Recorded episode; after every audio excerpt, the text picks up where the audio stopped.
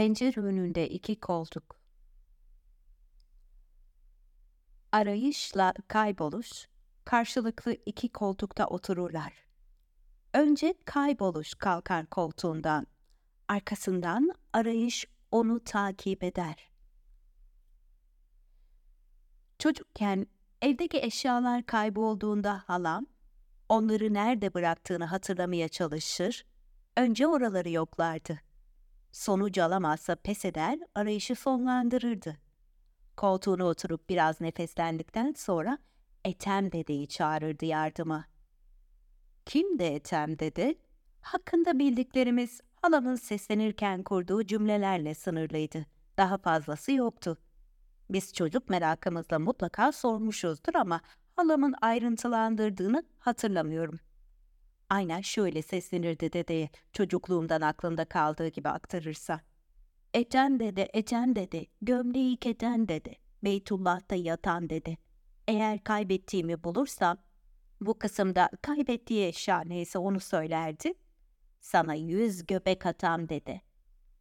Taahhüt edilen göbek atma sayısı kaybedilen eşyanın değerine göre değişirdi.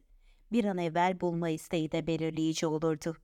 Nereye koyduğunu sık sık unuttuğu gözlüğü başta olmak üzere sigarasını yaktığı çakmağı, günlük harcamaları yazdığı defterde kullandığı kalemi ve buna benzer somut şeyleri bulması için seslenirdi Ethem dedeye.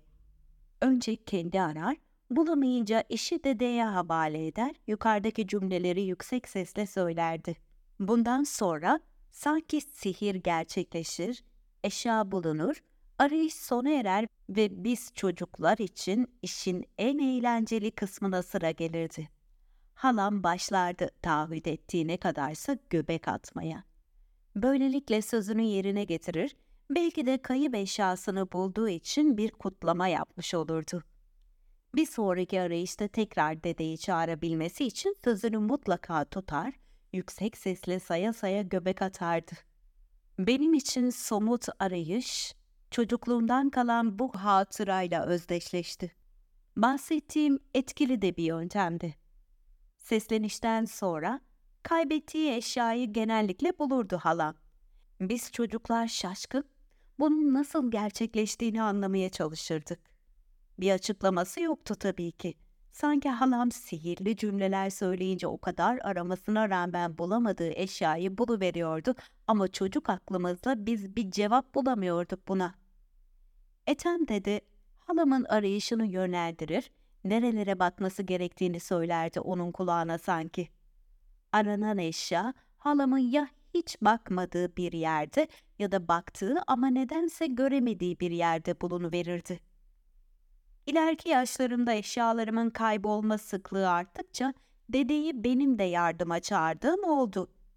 Çoğu zaman da sonucu aldığımı söylemeliyim. Yıllar sonra annem hafızasını kaybettiğinde Ethem dede tekrar aklıma düştü. Seslenseydim, o sihirli cümleleri peşi sıra söyleseydim faydası olur muydu sanmıyorum. Çocukluğumdan hatırladığım Ethem dede somut şeylerde sonuç veriyordu. Hafıza kaybına dedenin yapabileceği bir şey yoktu. Annemin hafızasını geri getiremezdi ama yine de içimden geçmişti. Bu bir çaresizlikti aynı zamanda. Ne yapabileceğimi, anneme nasıl yardım edeceğimi bilememenin çaresizliği. Bir arayış, bir çare arayışı. Hafızanın kaybolmasına karşı bir arayış. Hafızasını tabii getiremedik. Etem dede de getiremezdi. O çocuklukta kalmış bir hayaletti, bir hatıraydı.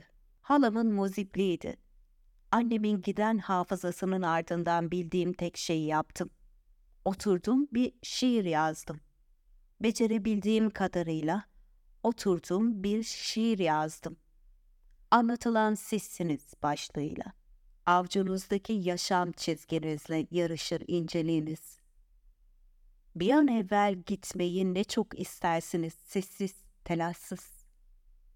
Şimdi sesini kaybetmiş bir yağmur geçmişiniz. Sokaklarınız isimsiz, adımlarınız belirsiz. Sanki dünyaya henüz geldiniz.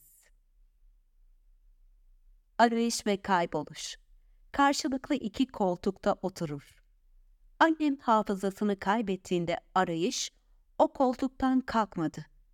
Kayboluş tek başına koltuktan kalktı ve yürüyüp gitti. Arayışı orada bıraktı. Belki de arayışın yapabileceği bir şey yoktu.